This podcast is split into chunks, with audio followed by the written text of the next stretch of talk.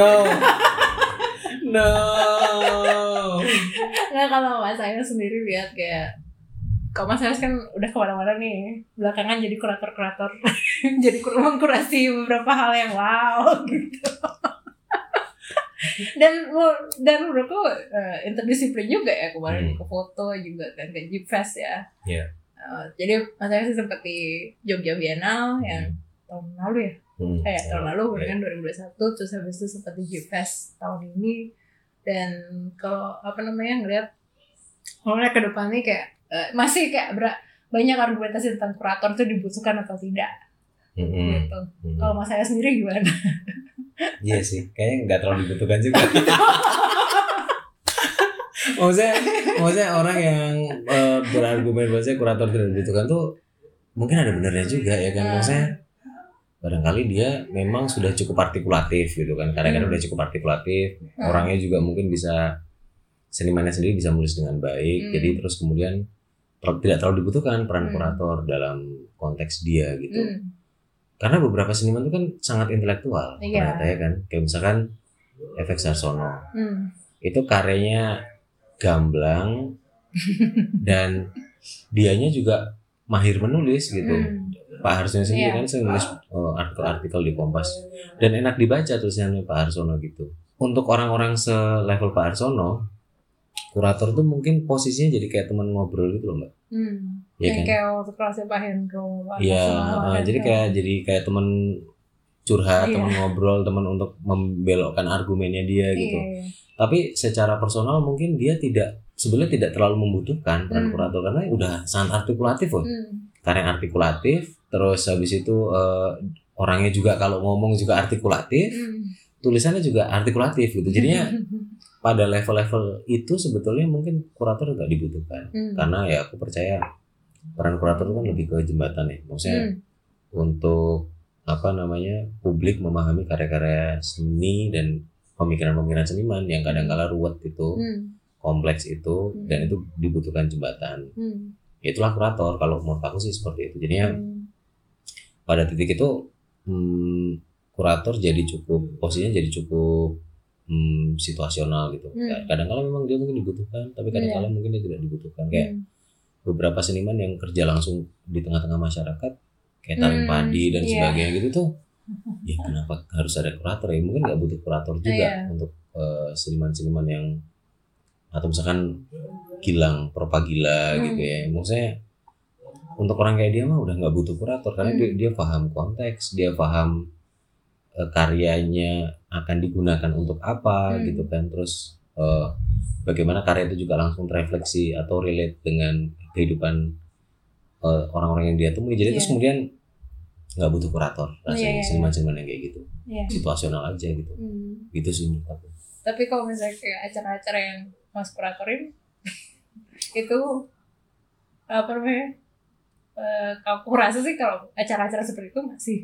iya Masih sih perlu, iya, betul, kayaknya. ah, betul betul Tapi kalau kalau boleh tahu kayak waktu misalnya kayak eh, kalau Jogja Biennale aku dengar kan itu lebih kayak men- mencari seniman nggak sih? Atau Mencari seniman. mencari seniman ya kan? Apa yang cocok Mm-mm. di Biennale itu kan? Iya, betul. Nah kalau waktu G-Fest kemarin juga gitu fotografi.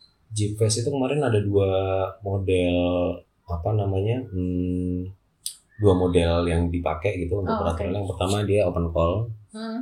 karena untuk menjaring partisipasi publik Luas, foto lebih luas lagi Iya. gitu untuk melengkapi yang open call ini kami juga melakukan beberapa yang sifatnya mungkin close call gitu Iya. tapi nggak ada yang commission Oh oke. kalau di mungkin pameran seni rupa gitu eh, Iya, kayak Arjo iya, atau close Biennale call gitu kan gitu, iya, commission. biasanya ada commission Iya. gitu kan nah kalau ini nggak ada commission sih biasanya kita eh, close call tapi karyanya udah ada kalau yang di GPS gitu apa Hmm. foto-foto yang memang sudah pernah di Hmm. pernah dia buat sebelumnya Hmm. kira-kira gitu sih Tapi gimana ceritanya kok bisa sampai G-Fest? itu pertanyaan yang rumit dan aneh Oh gitu. rumit dan aneh juga gini gini gini Eh, Karena kan kalau aku kira masih eh, itu pertanyaannya iya itu konteks pertanyaannya gimana kok bisa salah. kok bisa sampai GPS tuh maksudnya gimana ya kira kan mas saya mas saya sini nggak sih? Eh kuliahnya antro bukan sih? Eh bukan ya? bukan Bukan apa? Hmm. Eh, desain Desain. Ah. Oke, kalian desain. Tapi aku dengar tertarik dengan antropologi gitu. ya betul Terus habis itu, eh, tapi kan kalau kurasi biasanya seni rupa. Iya. Ya kan? eh, arsitektur juga. arsitektur oh, oke terus ya itu kenapa bisa ke foto juga Oke. Jadi foto itu adalah cinta pertamaku. oh gitu Ah, cinta pertamaku itu fotografi. Jadinya, jadi sebenarnya bukan sesuatu yang asing buat aku fotografi karena Oke. Dulu pertama kali aku bersentuhan dengan dunia visual itu di fotografi. Hmm. Itu eh, ya ka- karena kuliah gitu. Terus Mhm. habis itu aku dulu eh, saat kuliah itu pernah eh, diminta untuk mendampingi satu eh, fotografer yang sedang riset gitu. Eh, Oke. jadi ada ada fotografer waktu itu namanya Juang Wubin. Hmm. Dia dari Singapura terus em, datang ke Surabaya dia Hmm. kontak sama dosenku Hmm. eh, minta dianterin ke beberapa tempat karena dia lagi riset tentang Chinese Muslim communities gitu jadi dia motret tentang Chinese Muslim communities gitu nah iya karena dosenku mungkin sibuk dia meminta aku untuk Ah. mendampingi si Ubin ini Oke. karena ya mungkin aku waktu mahasiswa tapi bolosan di sisi lain di sisi lain aku juga mungkin eh, apa namanya mungkin sedikit-sedikit bisa bahasa Inggris gitu Iya, jadi iya, soal iya. yes kamu nemenin ini ya Bubin gitu. Nah akhirnya dari si Bubin ini aku belajar fotografi lebih dalam gitu. Jadinya Hmm. selain aku melihat bagaimana cara dia bekerja, bagaimana dia memotret sebuah komunitas yang spesifik dari hasil riset, Hmm. terus eh, dia juga mem- memperkenalkan aku pada sejarah fotografi, nama-nama Hmm. besar fotografi gitu. Hmm. Ini kamu harus lihat ini nih, Brezong. Ini kamu harus lihat si ini, si ini, si ini. Nah Hmm. pengetahuan-pengetahuan itu tuh aku dapatkan dari si Bubin ini. Oke. Nah, pada akhirnya Bubin ini kalau sekarang kamu googling nama dia Zuang Bubin, dia adalah salah satu mungkin kurator foto terdepan kalau di Asia Tenggara. Hmm. Karena dia eh, akhirnya kemudian dia setelah project yang Chinese Muslim itu, dia kemudian lebih banyak menulis tentang sejarah fotografi di Asia Tenggara gitu. Oh, oke. Mm, jadi ya dia adalah semacam fotografi scholar gitu lah ya. Setelah dari Bubin, aku melanjutkan kuliah dan kehidupanku yang normal itu. Nggak normal-normal amat sih, tapi ya lumayan normal. Iya, iya, iya. Akhirnya aku selalu lulus kuliah itu pekerjaan pertamaku itu adalah peneliti fotografi. Oh, oke. Jadinya ceritanya waktu itu aku lulus terus habis itu setelah beberapa saat aku dengar dari seorang kawan ada eh, lowongan untuk penelitian fotografi Oke. karena waktu itu pemerintah Indonesia itu punya yang namanya ekonomi kreatif kayak Oh, apa Kementerian Ekonomi Kreatif oh yang yang awal sama kayak pariwisata, ya, Hmm, sampai kayak sekarang awal-awal, iya. pariwisata sama ekonomi kreatif Iya. ya. ya, ya. jadinya eh, nah ekonomi kreatif itu kan punya kayak beberapa subsektor gitu kan Iya. nah salah satunya fotografi Hmm. masalahnya itu kayaknya pemerintah itu bikin Kementerian Ekonomi Hmm. Kreatif itu belum punya baseline riset Iya. tentang apa itu ekonomi kreatif makanya terus Iya. kemudian kementerian itu dibuat dulu baru kemudian mereka bikin kayak semacam panitia-panitia ad hoc buat riset Hmm. industrinya jadi kayak misalkan ada riset tentang fil- film Iya, riset tentang iya, apa nah iya, iya. akhirnya aku ngelamar untuk posisi peneliti fotografi di Oke, bawahnya di bawah Kemenparekraf Iya, itu ya. Itu. eh yang itu sebenarnya tuh apa namanya riset itu itu diketuai oleh kalau kamu pernah tahu ada kurator foto namanya Irma Chantili. Hmm. Irma Chantili itu dulu pernah di Jakarta Biennale 2015. Ah, oke. Nah, eh, si Irma ini jadi bosku dulu waktu Oh. riset itu. Jadi kami ada berapa orang di bawahnya Hmm. dia untuk riset itu. Riset kami itu kemudian membahas tentang mulai dari sejarah fotografi di Indonesia, Hmm. eh, bicara industrinya juga, peta industri, pes- pe- pe- peta komunitas gitu. Dari situ sebenarnya aku jadi lebih punya peta gitu Hmm. tentang siapa aja di mana Hmm. fotografer gitu-gitu. Terus kayak sejarah fotografi Indonesia gitu. Nah, Hmm. itu penelitiannya nggak lama, mungkin sekitar setahun aku di Jakarta. Oke. Uh, terus ketika aku pulang ke Surabaya, aku memutuskan untuk belajar uh, antropologi visual. Ah, oke. Jadi aku baru belajar antropologi setelah dari Jakarta Iya, aku pulang ke Jakarta. Surabaya itu aku uh, bertemu dengan seorang fotografer tua gitu, namanya Pak Hadi Purnomo. Hmm. Dia seorang etnofotografer. Hmm. Dulu dia ngajar di di UI, tapi Hmm. setelah dia pensiun dia pindah ke Surabaya. Hmm. Terus dia dia adalah kayak muridnya kalau Mbak Safitri tahu Kuncaraningrat Oh, benar banget. kayak antropolog Iya, Gitu kan, nah. ya. dia muridnya si Kuncaraningrat itu tapi Hmm. terus kemudian dia lebih banyak berfokus pada antropologi visual dari si Pak Hadi Purnomo inilah aku terus Hmm. kemudian dapat kerangka-kerangka tentang antropologi visual itu bagaimana Hmm. kemudian melihat visual Hmm. dalam konteks antropologi atau Iya. bagaimana memproduksi visual untuk kepentingan antropologi gitu akhirnya ya bekerja juga dengan fotografi juga gitu Iya. jadi aku rasa eh, semua itu Cifes itu tidak tiba-tiba Iya, gitu, Cifes iya. tidak tiba-tiba karena eh, ya saya punya latar itu sih. Iya, Jadi fotografi itu justru cinta pertamaku di situ Hmm. sebelum kemudian masuk ke seni rupa gitu. Berarti Makanya, berarti masuk ke seni rupanya tuh gimana oh ya.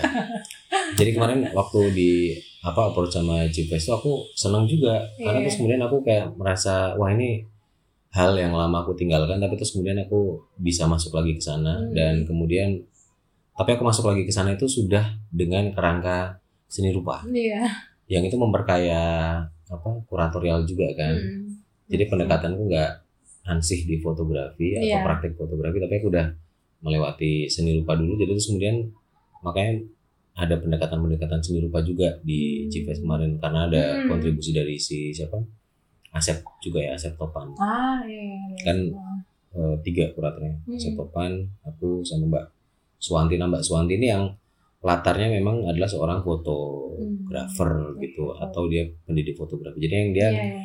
Yang pure Iya, yang pure blood pure Iya, bloodnya dia nah kami dulu nih yang bid'ah tapi yang paling bid'ah emang Asep Topan Karena dia yang paling karena emang dia yang dari maksudnya eh, mungkin kalau di fotografi dia tidak terlalu Iya, berdekatan dengan iya. fotografi. Kalau aku masih ada bau-baunya, Iya. masih ada trace-nya lah ada trace-nya gitu. Tapi itu menarik, maksudnya kerja sama mereka berdua menarik gitu sih. Mm. Masuk ke seni rupa agak panjang nih perjalanannya, tapi aman ya. Iya. Jadi em, apa namanya? eh, aku tuh mulai menekuni kuratorial itu 2015. Mm. Sebelumnya bulan November 2014 itu aku belajar di ruang rupa. Oh, di luar. Jadi sama bareng di dia bareng, Bisa Susanto ini bareng sama banyak orang deh kayak 2014. bareng Susanto sa- bareng sama Dwi. Iya. Heeh, iya, jadinya iya, itu iya. teman seletingku di Iya, iya. eh, kuratorial di ruang rupa dan DKJ itu kan. Iya. Jadi aku ikut itu Mm. dengan pemahaman seni rupa yang nol besar, Mm. Dengan pemahaman kuratorial itu nol besar juga. Hmm. Jadi aku bener-bener yang out of nowhere gitu mbak. Mm. Aku bukan dari seni rupa, aku nggak kuliah di situ gitu, Hmm. dan aku juga nggak terlalu dekat dengan seni rupaan gitu. ya. Hmm. Terus kemudian aku nyemplung ke situ tuh kayak nggak tahu ya, itu kayak eh, Kayak anak-anak kemarin baru nyemplung juga. iya beneran anak kemarin sih kalau aku tuh beneran Anak maksudnya anak-anak residensi kemarin iya beneran asli beneran. Nah Iya. jadi beneran nggak tahu tuh. Nah Iya. tapi memang ketika aku masuk ke situ, aku tuh membawa satu apa proposal tentang justru pameran arsitektur. Hmm, oke. karena dulu tuh kampus di di kampusku tuh eh, desain produk aku udah desain produk Hmm. sama arsitektur itu jadi kayak satu Oh, fakultas iya, gitu terus habis itu kami sering main gitu aku Iya. sering bantuin teman-teman apa arsitektur tuh buat bikin diskusi Hmm. terus aku datang ke diskusi mereka juga ikut Hmm. main sama mereka jadinya sedikit banyak aku kemudian suka sama arsitektur gitu Hmm. karena bagi aku di arsitektur tuh punya sisi-sisi yang lebih subtil dibanding desain produk Hmm. kalau desain produk tuh oh bikin kayak muk gini kan Iya. kayak apa namanya eh, cangkir gitu Oh, yang dilihat tuh adalah aspek-aspek fungsionalnya gitu Iya. Kayak misalkan ada pegangannya terus Iya. ergonominya terus Iya. kayak materialnya apakah dia bisa diproduksi masalah atau tidak jadinya produk itu jauh lebih materialistik gitu Hmm. in such way gitu Iya, kan iya, jadinya buat aku tuh kayak kadang dal apa Iya. Mentok situ aja mentok gitu. boring gitu Iya, kan Mandek Eh, gitu. jadi buat aku tuh kayak oh ya udah desain produk itu gitu Nah, nah gitu ya. sebenarnya di arsitektur tuh ada konsep-konsep yang lebih filosofis Iya, lebih benar. dalam gitu kan misalkan konsep tentang ruang Hmm. konsep skala itu tuh buat aku jadi seneng dengan apa arsitektur Hmm. pada masa itu karena terus obrolan itu jadi jadi beragam gitu loh Hmm. Eh, ngobrolin arsitektur tuh nggak cuma desainnya tapi Hmm. ngomongin manusia juga ngomongin budaya gitu kan yang itu nggak ada di sini nih di produk itu nggak ada kamu bikinnya mobil Iya. meja kursi Iya. gitu nah itu yang kemudian bikin aku suka sama arsitektur terus aku datang ke ruang rupa untuk belajar itu dengan membawa proposal pameran arsitektur. Mm-mm. Oke. nah setelah da- pulang dari situ aku tuh membuat beberapa pameran arsitektur di Hmm. Surabaya. Jadinya Oke. justru pameran-pameran pertamaku di 2015 itu sampai 2017 sampai 2019 aku masih bikin pameran arsitektur sebenarnya. Oke. Jadi aku bikin pameran arsitektur. Nah, kenapa aku bisa masuk seni rupa? Itu kecelakaan sejarah. Oke. Kecelakaan sejarah karena di Surabaya itu kan kurator nggak banyak mbak Iya, kurator nggak banyak see. Eh, jadi terus ketika aku bikin pameran-pameran eh, arsitektur itu Hmm. terus jadi ada di- apa permintaan dari beberapa kawan eh kenapa kamu nggak rupa. mengkuratori pameranku yang seni rupa gitu nah itu yang membuat tapi awalnya aku ngomong aku nggak paham Iya, seni iya, rupa gitu Oke. ya nggak apa-apa deh yang penting kan nulis gitu jadi awalnya kebutuhannya gitu loh Iya, karena nggak ada ya. yang mengkuratori nggak ada yang menulis Iya, iya. ada kurator di Surabaya tapi jarang dan dikit Hmm. sekali gitu Hmm. Sama lah sama di sini. Tapi sekarang nambah. Di sini lumayan ya sekarang Iya sih. Nah, di Surabaya waktu itu 2015 masih dikit banget terus Iya. jadi kemudian membelok itu karena itu tadi mbak karena, karena kayak kebutuhan dari kota ya Iya, yang kota. kemudian butuh untuk wah ini kayaknya butuh nih dikuratori gitu Hmm. dari situ terus kemudian bikin pameran seni rupa seni rupa seni rupa juga Oh. jadi bersilangan gitu dan Iya, iya, iya. makanya aku kalau di bioku itu selalu ngomong kurator yang berada di persilangan antara Oke, gitu oke. arsitektur seni rupa dan sejarah. Gitu. jadi aku nggak bisa mengklaim oh aku arsitek apa eh, kurator seni rupa gitu Iya. atau aku eh, kurator arsitektur itu nggak bisa sih Hmm. dan aku justru lebih nyaman berada di antara gitu loh mbak Iya. buat aku tuh jauh lebih membebaskan kali ya walaupun mungkin ya sebagian orang mungkin berpikir wah Ayus nih Ngapain? bukan hanya ngapain tapi kayak ah lu nggak nggak mendalam lu gitu Iya, kan kayak lu seni rupa juga taunya dikit arsitektur juga taunya dikit Iya. sejarah juga nanggung gitu kan jadi mungkin ada pandangan gitu juga tapi Iya. mungkin di level itu yang bisa aku lakukan gitu Hmm. maksudnya mungkin ada kayak sekarang kalau di Jogja ada Pak Sri Margana Hmm. mungkin dirimu pernah tahu dia profesor arsitektur di UGM Ah, oke. tapi belakangan dia banyak mengkuratori seni rupa Oh, juga. iya dan aku salut sama dia maksudnya Iya, iya, iya. dia orang yang sudah punya track record yang luar biasa kalau Iya, di pasti. apa disiplin Di sejarah ya di UGM. Indonesia ya. Heeh. Tapi terus kemudian belakangan rasanya karena dia bergaul banyak sama Mas Mika juga, Mika Oh. Susanto. Jadi terus dia tergerek, tergiring juga ya untuk kemudian banyak mengkuratori pameran seni rupa juga sekarang. Nah itu buat aku jadi menarik karena Hmm. kemudian ad- dia berani untuk melompati sekat disiplin yang Iya. selama ini kan kita mungkin disekat-sekat oleh oh eh, seni rupa itu berbeda sama arsitektur, arsitektur itu Hmm. berbeda sama sejarah. Tapi sebetulnya pada titik-titik tertentu kan dia nyambung ya. Iya. Heeh. Dan aku suka banget untuk melihat titik-titik sambungan gitu loh. Hmm. Seni rupa, terus misalkan ketemu sama antropologi. Hmm. Nah itu aku suka gitu melihat kemungkinan-kemungkinan itu dan ya aku rasa juga eh, sebagian besar karakter kuratorial aku tuh di, dibentuk sama keilmuan antropologi justru. Hmm. Jadi sumbangsihnya guruku Pak Adi Purnomo ini Hmm. Ke pandangan-pandanganku tentang seni, Hmm. tentang budaya itu banyak dipengaruhi sama dia gitu. Kayak misalkan dia selalu ngomong seperti ini guruku nih. Eh, seni itu kalau di antropologi itu tuh adalah komunikasi. Hmm. Fungsinya seni itu adalah komunikasi. Kenapa man- manusia bikin Bikin kesenian. kesenian itu adalah bentuk komunikasi. Iya, Kayak iya. misalkan dulu orang pertama kali melukis di gua-gua gitu kan, Hmm. itu kan bentuk komunikasi. Hmm. Sebelum akhirnya kemudian bentuk-bentuk itu visual-visual itu bertransformasi menjadi apa namanya Media-media lain. eh, teks ya. Sebelum Iya. menjadi Oh, iya, teks kan iya. dia awalnya kayak logo-logo gitu kan. Jadi kayak hurufnya Hmm, iya, iya, Mesir, Sumeria itu kan dia sebetulnya adalah dia teks tapi yang bentuknya itu visual gambar gitu, Iya. logo-logo gitu. Nah, Iya. begitu juga dengan ritual gitu. Orang bikin bade Hmm. setinggi-tinggi itu tuh buat apa sih kalau nggak untuk komunikasi ke sesama dan ke atas Iya. juga kan. Jadi ya dalam konteks antropologi itu dan ini yang selalu aku pegang sih. Hmm. Kesenian itu adalah bentuk komunikasi. Hmm. Makanya pada titik itu tuh aku merasa oh ya udah peranku sebagai kurator itu sebetulnya adalah mengkomunikasikan Hmm. karena ketika kita melihat lukisan dia adalah bahasa simbolik Hmm. mungkin masyarakat umum perlu jembatan untuk menerjemahkan itu sebagai bahasa tekstual gitu Iya. kan yang itu mungkin lebih mudah dipahami Eh, dan itu aku pegang sampai sekarang sih bagaimana seni itu sampai akhirnya aku melihatnya sebagai komunikasi gitu Hmm.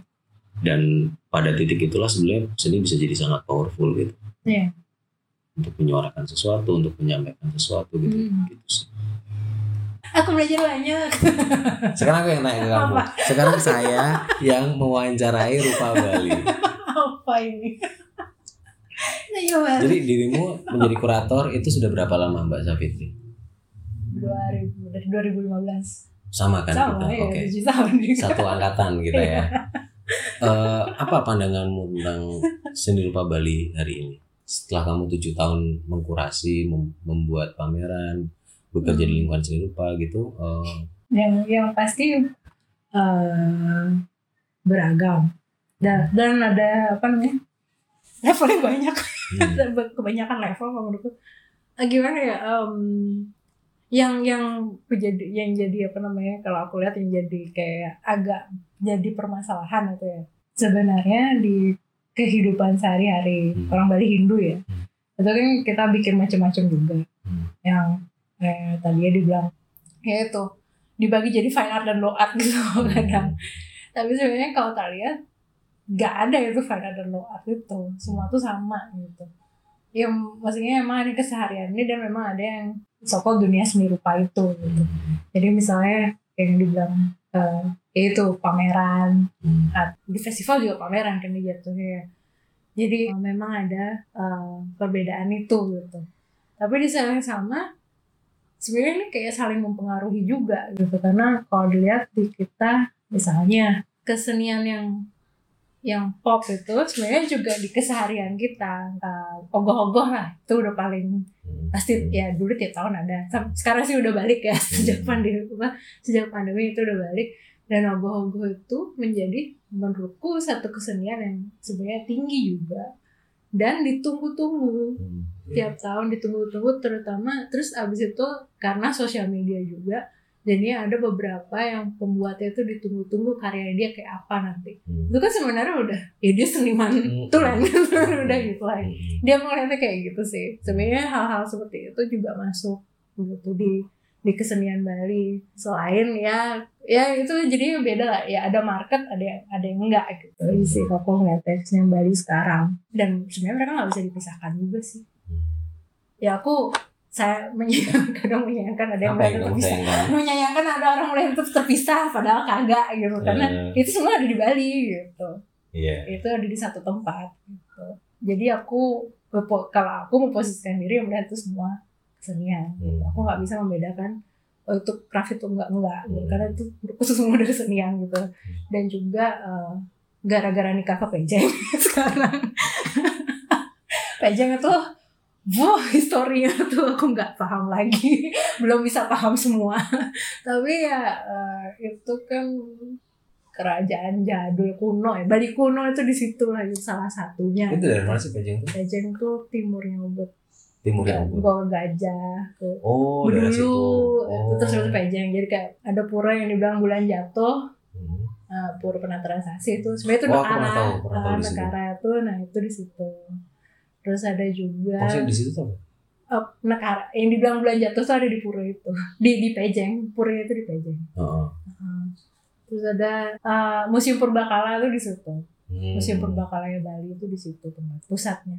karena banyak peninggalan-peninggalan purbakala di situ Iya banyak. Oh. Jadi yang ini aku masih telusurin juga nih, belum nemu kayak sebenarnya siapa yang pertama kali nelusurin. Karena kalau secara catatan-catatan buku-buku, misalnya buku-buku keluaran Dikbud zaman dahulu, zaman-zaman baru kemerdekaan itu pasti yang dibilang yang menemukan tuh orang Inggris. Aku lupa namanya siapa. Tapi mesti saya pakai pakai Raffles Raffles bukan Raffles, Bukan ada Raffles. lagi Ah, entah iya, siapa iya. namanya. Pokoknya dia yang pertama kali ya bilang sokol pertama kali dalam tanda kutip menemukan di Pejang itu oh ternyata ada reruntuhan Hmm. apa peninggalan-peninggalan kerajaan dulu dan dan memang ya kalau di rumah di di rumah suami sekarang tuh dari dulu punya rumahnya itu punya pura sendiri Hmm. yang di mana itu memang patung yang ditemukan di sana Hmm. di tempat itu dan dijadikan pelinggih maksudnya Hmm. ditempatkan Hmm. eh, pelinggih dan dia suci Hmm. dia sacred Hmm. dan dia menjadi pura tersendiri Hmm. dan itu nggak di satu rumah aja yang kayak gitu banyak rumah yang kayak gitu Hmm.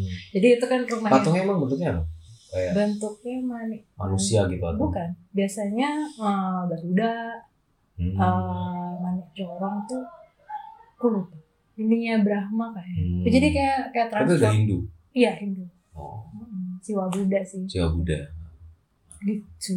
Dan sampai sekarang itu masih ada aja sebenarnya ditemuin bahkan karena ada rumor kayak oh ini ditemuin terus ditutup lagi. Kayak gitu tuh ada juga katanya gitu. Hmm. jadi buat aku wah itu ah itu lagi lain lagi tuh kayaknya dan Iya. aku suka sempat ngobrol sama Wisu Santo udah lama banget waktu zaman ya itu lagi lagi senang-senangnya banyak riset apalah gitu lagi menggebu-gebunya tuh ya aku menemukan kalau di Bali ini ya memang banyak layer ya terlalu banyak layer udah gitu jadi dan apa namanya nggak semua itu tertulis jadi kita nggak tahu Hmm. dari span of apa time-nya tuh periode-periode itu dari mana ke mana Hmm. gitu karena kalau misalnya kayak di PJ ini pasti ini dari periode mana-mana gitu kan. Iya pasti ada catatannya gitu kan. Cuma penasaran aja itu kalau ditulis tuh kayak apa gitu. Kalau itu ada bacaannya kayak apa gitu. Oh belum ada sampai sekarang. ada sih beberapa cuma ya itu ya aku paling nemunya itu di buku Dikbud gitu-gitu Hmm. sih. maksudnya itu kan cuma dan itu juga one part dari satu buku tentang Bali gitu menurutku kayak mungkin setiap daerah di sini tuh punya sejarahnya sendiri dan mungkin bukunya bisa tebal-tebal banget satu Hmm. satu daerah gitu karena saking banyaknya cerita jadi maksudnya itu zaman itu belum lagi zamannya Oh, Belanda prinsipnya pejeng nikah. Gak juga Maksudnya kayak disingkat aja lain lagi ceritanya Aku Iya. malah ya sebagai orang Belanda gak tahu banyak juga gitu Jadi kayak ya gitulah Jadi dan pasti ya kembali lagi keseniannya pasti banyak juga kan Hmm. Ya ada budaya pasti ada seni kan Menurutku Tapi ngeliat gitu. kesenian di Bali berapa tahun terakhir nih, mungkin kesenian Bali tuh kalau misalkan pas eh, apa pra Covid dan post Covid mungkin terlalu ini ya. Pra seni di Bali dan pra seni di Bali gitu kali ya. Jadi setelah munculnya akun seni di Bali gitu dan sebelumnya gitu. Karena kalau dulu kan mungkin buat orang luar kayak aku yang nggak tinggal di Iya. Bali gitu aku nggak tahu di Bali itu ada apa. lagi sedang ada apa. Tapi kan ketika ada seni di Bali gitu itu jadi kayak aku tahu lagi ada ini, lagi ada ini Iya. gitu kan. Dan belakangan ya sebulan terakhir ya kita ngerasa tuh vibrant banget kan. Iya iya iya Itu tuh apa sih yang sedang terjadi Mbak di Bali hari ini di kesenian keseni rupaan Bali hari ini tuh apa yang kamu Iya. pahami yang kamu lihat? Yang ku pahami sih udah mem- mulai mengerti keberaga, keberagaman kesenian itu sendiri ya. Dalam artian itu udah nggak mengikat-ikat lagi gitu. Lah Contoh. misalnya kayak street art. Hmm. eh, dia udah dulu kan masih dari vandal Hmm. sekarang udah nggak. Hmm. mural masuk kafe. Itu udah satu gitu. Jadi jadi pemural-pemural ini diperlukan kan gitu. Itu satu. Dan itu kedua ya mereka bikin bisa bikin acara dong gitu. Jadi acaranya itu ya beragam. Bisa entah itu jamming entah itu mereka bikin pameran dari jamming ya ada musiknya. Jadi semua tuh apa membaur lah gitu istilahnya. Jadi itu mungkin salah satu contohnya ya gitu. Karena aku sempat sih ngobrol sama teman-teman mural di uh, Bulu Denpasar. Eh, karena aku penasaran kenapa di pasar Badung aja beberapa muralnya gitu. Atau street artnya gitu. Ya mereka bilang ya di sini yang bisa eh, apa tempat yang menerima lah itu satu gitu. Jadi dan em, senang maksudnya orang tuh senang lihat gitu dan sebagainya. Hmm. jadi menurutku itu sih salah satunya gitu. Maksudnya ya dulu kalau aku sih ngerasa zaman tahun 2009 aku kuliah tuh memang masih sangat disekat gitu loh rasanya. Kamu tuh berpameran di Ubud baru kamu ditoleh kayak gitu loh. Hmm. sekarang tuh nggak ada. Menurutku udah tidak ada gitu. Kalaupun dipaksakan ada nggak bisa kayak karena udah ada power sosial media. Gitu. Kalau menurutku karena itu sih. Dan memang dulu ya sorry itu sih ya dilihat lulusannya lulusan mana gitu. Jadi kayak lulusan lu lulusan gue gitu sih. Kamu maksudnya sama-sama orang Bali nih tapi lulusan dari luar dari sini itu dilihat. Jadi eh, kadang ya tidak bisa dibaurkan gitu. Sekarang nggak dilihat lagi. Maksudnya apa apa generasi eh, sekarang apa momentum yang bikin itu jadi vibrant gitu yang jadi food itu apa sih dan kapan Eh, berapa tahun berapa tahun terakhir ini sih? Dari ya itu dari 2016an 15an ya tak perhatiin. Mulai udah. Nah, itu apa momentumnya yang bikin menggeliat dan bergairah? Gak tahu ya. Aku juga nggak kayak begini kok pertama kayak terjadi aja ya. Eh, mungkin mungkin nggak terjadi aja sih cuma maksudnya mungkin yang lulusan lulusan itu tuh yang berbeda beda itu sudah merasa nggak itu nggak kita udah nggak berbeda gitu. Jadi udah satu aja gitu. Itu jalan. Saya itu kalau yang kalau masalah eh, street art tuh uh, kayak mulai ada uh, kesenangan ya kali ya juga uh, dari publik. Kayak oh ternyata ini nyenengin gitu. Ya kayak gerakan rurung galeri itu juga kan. Dia uh, dia lebih wadah sih dia nggak kolektif jatuhnya. Dia juga uh, itu mulai di Denpasar 2018 sih kalau nggak salah. Terus akhirnya ke tempat-tempat lain juga gitu. Terus habis itu sampai mereka sempat di, di gang di sesetan itu sampai oh itu tuh ada tembok sih itu mau nggak gini gitu. Jadi sampai udah kayak gitu apa apa, apa percakapannya lah dengan publik gitu. apalagi ya? Kira-kira. Oh, waktu ini sempat sih ada gerakan-gerakan kayak per daerah gitu. Misalnya kayak uh, Amarwati sama Bu Susanto juga itu kan tapak siring karena uh, tapak siring kan dulu tidak tidak ya balik lagi nih ke sejarah bagaimana dulu ya Pitamaha yang diagung-agungkan gitu kan jadi uh, terus di Tapasirin ternyata ada tokoh-tokoh yang bisa diangkat juga gitu jadi ada sih kesadaran-kesadaran itu hmm. juga gitu.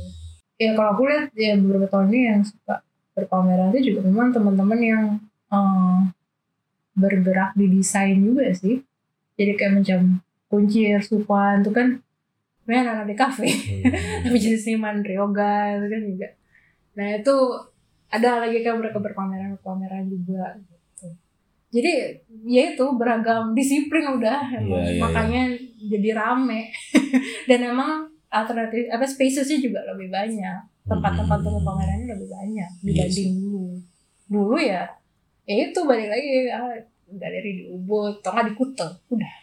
Dan pasar nggak ada. Ya paling dari Franda udah. Nggak nggak nggak terlalu banyak memang tempatnya dulu. Sekarang ya they don't mind. Misalnya masih mahasiswa they don't mind. Di di dapat saya di kafe yang kayak gitu. Mm-hmm. itu juga ada gitu. Iya sih. Mm-hmm. jadi udah nggak dan kadang juga nggak menunggu momen gitu. Udah kita pameran pameran aja gitu. Mm. udah beberapa karya confident mau jadi ya menurutku confidence sih udah jauh lebih percaya diri untuk mengadakan pameran tuh jauh mm. jauh sih menurutku mm. kalau dulu kan aku zamanku kayak kalau nggak ada temen yang punya pemikiran oh kita baik berpameran ke sini-sini nggak jalan hmm. kayak nggak jalan nah sekarang ada sosial media juga mungkin kebutuhan itu juga gitu jadi kayak yeah, yeah, yeah, membangun portfolio lewat si platform visual yang paling hmm. ini sekarang makanya aku tuh ini siapa namanya uh, ya selain dirimu sama Beli Susanta gitu ya terus yeah. habis itu kemudian ada siapa sama Citra Dwi Dwi Dwi datang masuk nikah sama Citra gitu yeah. kan mereka aktif Citra bikin foto wonder sama yeah. teman-teman gitu kan terus ada Ruth juga dengan hmm. rumah seminya bikin kegiatan juga terus ketemu terus habis itu ada ya ketemu terus habis itu wonder dirimu uh, siapa lagi ya yang masuk ke sini? Oh. Kemal gitu kan. oh. kan. Kemal juga bikin sesuatu yeah. juga. Jadi buat aku tuh kayak yang wah menarik juga sih. Bali ya belakangan belakangan yeah. ya dan kayak ketika apa Bali Art Month tahun ini tuh jadi vibrant gitu loh. Aku tuh ngeliatnya tiap hari kayak ada pembukaan pameran gitu kan. Terus sama Bali Jani juga. Ada buat apa oh, iya, overwhelmed sih overwhelmed. Aku aku ngerasa nih overwhelmed ya gue tapi Surabaya nggak seramai ini ya belum belum sih belum, ya? belum tapi uh, sudah mulai muncul yang aneh-aneh. Hmm. Jadi kayak misalnya ruang makin banyak. Kalau yeah. dulu kan mungkin terbatas ruang-ruang C2O yeah, atau ada sekali dan sebagainya. Sekarang makin banyak ruang-ruang hmm. pamer gitu, terus kolektif juga makin banyak hmm. gitu. Terus antar kampus juga udah makin terhubung yeah. gitu. Uh, ya mungkin panennya beberapa tahun ke depan sih. Maksudnya hmm, aku yeah, ngeliat yeah, yeah. trennya masih jalannya masih oke okay, iya, gitu. Yeah, yeah, nah, Jadi yeah. mungkin ya terus kayak Biennale Jatim juga lebih signifikan hari ini kalau dulu kan hmm. hanya exhibition making ya iya iya nah sekarang tuh lebih ada apa namanya uh, gerakannya gitu ada movementnya gitu jadi kayak dia gerakin banyak uh, apa banyak tit banyak aktor di banyak titik gitu hmm. Jadi hmm, buat aku jadi menarik gitu. Hmm. Mungkin belum seperti se vibrant Bali. Iya, iya. Karena Bali kan mungkin udah lama ya di bumi itu kayak sebenarnya ya. Di, di yoga dengan apa? Guratnya belakangan juga lagi aktif banget. Jadi aku tuh salut sama Bali itu salut banget dan ya semoga Surabaya bisa ngikut juga yang kayak Hmm. gitu-gitu biar lebih banyak gitu kan eh, Hmm. kota-kota maksudnya di luar Jakarta, Hmm. Jogja, Bandung itu biar lebih banyak lagi kota-kota. Iya, bisa lebih ini. Hmm. Yang ku tahu Gorontalo ya. Gorontalo. Terima kasih atas insight-nya Mbak Safitri. Oke, makasih Mas Ayos atas waktunya. Untuk teman-teman eh, yang dengan Rupa Bali, terima kasih dan eh, apa bisa apa namanya kita punya Instagram sekarang Rupa Bali Podcast bisa follow itu untuk tahu episode episode selanjutnya dan ya sampai jumpa di episode selanjutnya. Makasih banyak.